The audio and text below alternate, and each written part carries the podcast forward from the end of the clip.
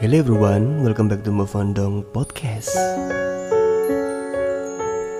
Barangkali di antara listeners hari ini ada yang mengalami degradasi motivasi. Jangan pernah merasa bahwa diri Anda lemah, jangan pernah merasa bahwa diri Anda tidak sekuat dengan orang lain.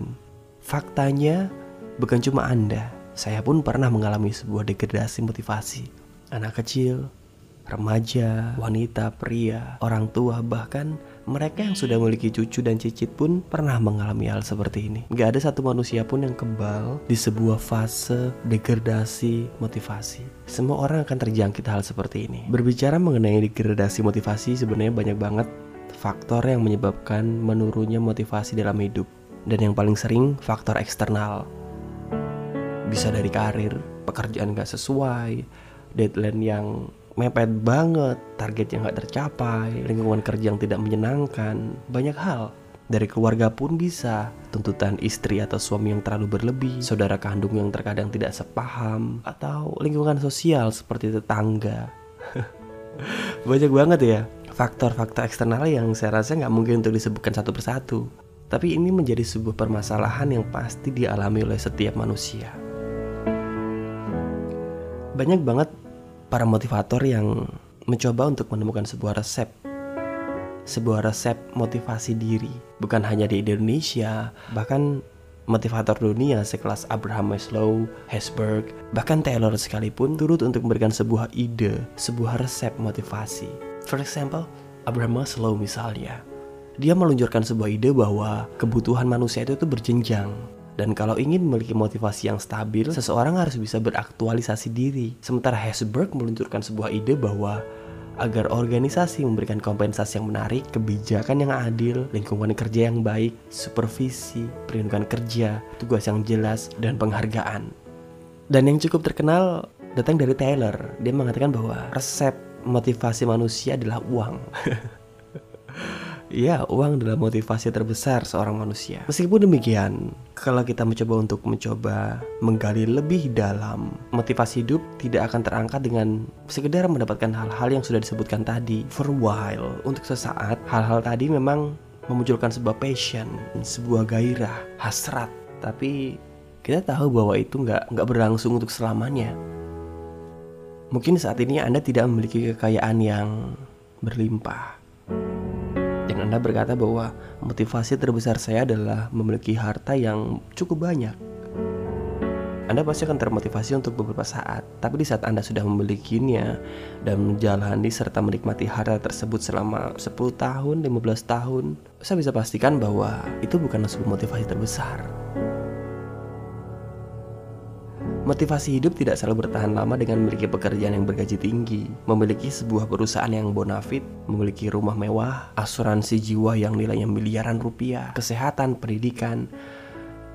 Ini tidak akan pernah memberikan gairah hidup yang bertahan sampai beberapa tahun atau puluhan tahun. Saya akui bahwa meningkatkan motivasi memang tidak mudah. Sekalipun kita mendengarkan presentasi para motivator hebat, sekalipun Anda mendengarkan podcast ini, pemikiran untuk termotivasi mungkin terlintas begitu saja dalam hitungan beberapa detik dan kemudian akan ambiar, akan buyar, akan menguap dalam hitungan jam. Orang lain bisa merangsang Anda untuk keluar dari sebuah kesulitan. Mereka bisa saja memberikan sebuah nasihat, memberikan sebuah support, dorongan. Tapi proses munculnya motivasi yang bertahan lama tidak bisa berlangsung begitu saja. Apakah hanya dengan mendengarkan motivator berbicara? Apakah hanya dengan mendengarkan podcast ini membuat Anda langsung termotivasi? Enggak. Motivasi tidak semata-mata muncul hanya karena anda mendengarkan sebuah presentasi motivator hebat atau setelah Anda membaca beberapa buku-buku hebat. Ada faktor X ada faktor yang tidak pernah kita ketahui yang sebenarnya membuat kita termotivasi dan faktor X tersebut berada di luar jangkauan kita. Saya yakin pasti Anda, saya, kita semua tidak mau memiliki motivasi rendah untuk waktu lama. Coba Anda bayangkan bila Anda saat ini misalnya berumur sekitar 30-an dan di usia 30-an Anda sudah sangat apatis, kehilangan passion untuk bekerja, nggak punya semangat hidup, bisa Anda bayangkan bagaimana jadinya nanti. Bagaimana Anda di usia 70 tahun Masa iya di 40 tahun ke depan Anda bisa hidup tanpa ada sebuah semangat? Bagaimana mungkin 40 tahun ke depan Anda bisa hidup tanpa ada semangat, tidak punya energi, tidak punya sukacita, nggak punya passion. Sikap seperti inilah yang harus dihindari. Kemudian pasti Anda akan berpikir gimana nih caranya untuk meningkatkan motivasi hidup? Bagaimana cara untuk keluar dari sebuah fase degradasi motivasi? Kalau boleh saya ingin berbagi sebuah pemikiran, sebuah resep sederhana. Saya sering melakukan hal seperti ini. Contohnya beberapa bulan ke belakang, di saat saya mengalami sebuah degradasi motivasi, saya mengambil waktu sejenak untuk think, untuk berpikir. Apa sih tujuan hidup saya?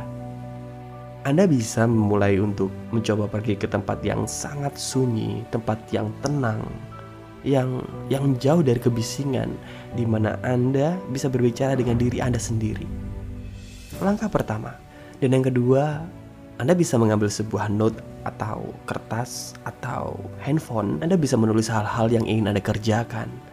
Anda bisa menulis apa sih yang ingin Anda raih. Misalnya nih, Anda ingin meningkatkan keharmonisan dalam rumah tangga, pengen dapat pekerjaan baru, aktif dalam sebuah satu asosiasi profesional, banyak hal atau mungkin Anda bisa menuliskan, saya ingin berlibur ke Eropa, saya ingin pindah ke kota yang lebih besar, atau apa saja sesuai dengan keinginan Anda. Nah di sinilah mungkin Anda misalnya mau mereposisi sikap Anda terhadap keyakinan Anda. Anda bisa menuliskan itu. Tulislah di atas kertas atau buku atau handphone atau apalah yang Anda miliki. Intinya tetap menulis. Dengan menuliskan dan fokus terhadap tujuan hidup, ini akan membantu mengangkat motivasi Anda yang sempat down. Kalau boleh jujur sebenarnya yang saya sodorkan bukanlah sebuah resep yang terbaik, tapi saya yakin ini bisa membawa Anda menemukan resep yang paling mujarab. Resep itu harus Anda temukan sendiri, karena itu adalah hidup Anda. Ini adalah perjalanan Anda, bukan perjalanan saya, bukan perjalanan para motivator. Perjalanan hanya milik Anda. Jadi, takaran resep hanya Anda yang bisa menentukan. So, semoga hari ini Anda menemukan tujuan hidup dan bisa membangkitkan kembali motivasi Anda. Semangat untuk meningkatkan motivasi hidup karena ini adalah perjalanan hidup Anda sendiri.